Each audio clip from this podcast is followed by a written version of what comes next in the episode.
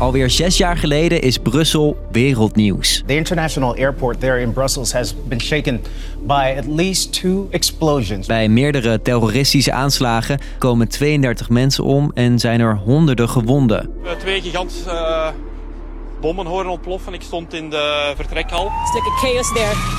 Tien verdachten staan jaren later voor de rechter. Het proces van de eeuw, zo noemen de Belgen het zelf.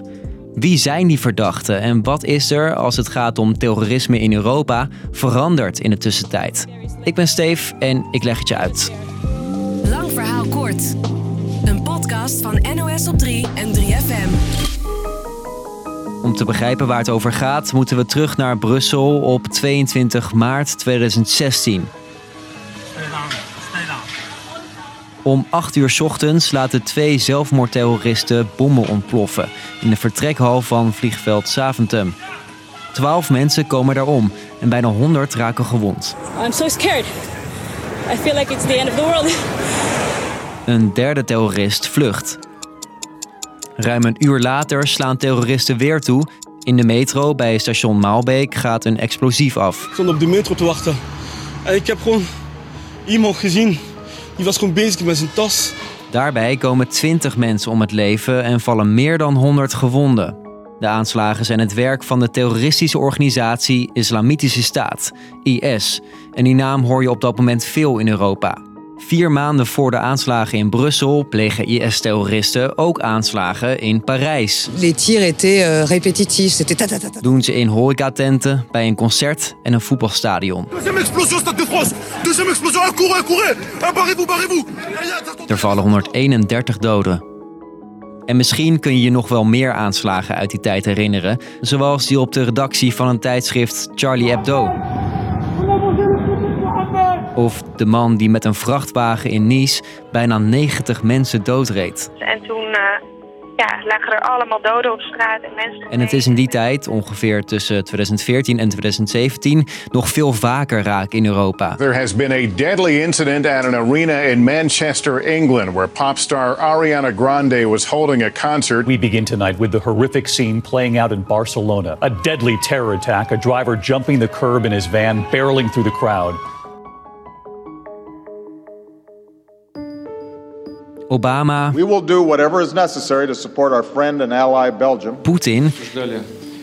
Direct na de aanslagen in Brussel riepen wereldleiders op om samen het terrorisme te bestrijden. Maar wie zijn die terroristen? De drie belangrijkste, Osama Krayem, Mohammed Abrini en Salah Abdeslam.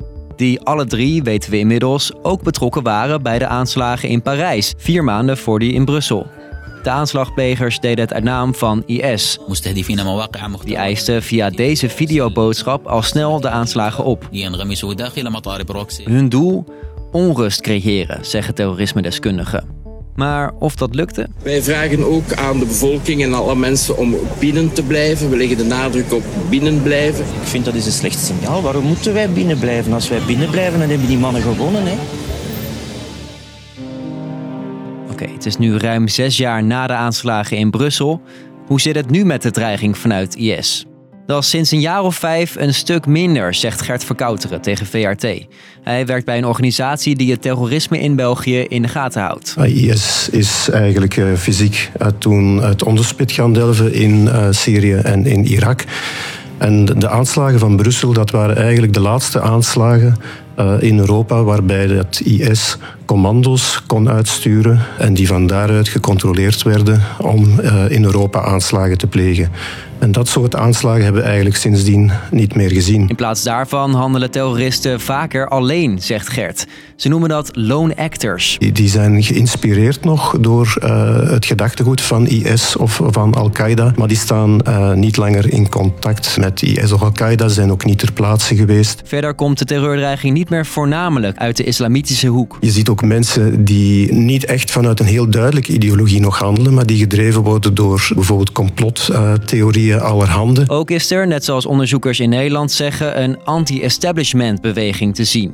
Dat wil zeggen mensen die fel tegen de gevestigde orde zijn. Denk aan de regering. Zo kreeg minister Kagel eens een bezoekje van een man met een fakkel.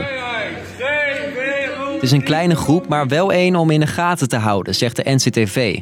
Dat is de club die het dreigingsbeeld in Nederland in de gaten houdt. Een soort radicale onderstroom met langzamerhand een risico van een diepe vijandigheid, eh, een fanatisme, maar ook fanaties, van, uh, fantasieën van gewelddadige eigen richting. En kan ook weer leiden tot verregaande extremisme en ook terrorisme. Toch zijn jihadisten, aangewakkerd door organisaties als de IS, nog steeds de grootste terroristische dreiging in Nederland. Dus, lang verhaal kort.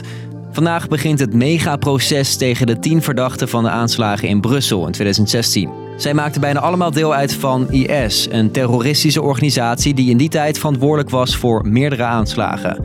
Nu, zes jaar later, is de dreiging uit die hoek minder groot. Ook al zijn er nog steeds terroristen die alleen handelen, nog altijd vanuit het gedachtegoed van IS. Dat was hem voor vandaag. Morgen zijn we er weer, zoals altijd, rond de klok van vijf. Hoi!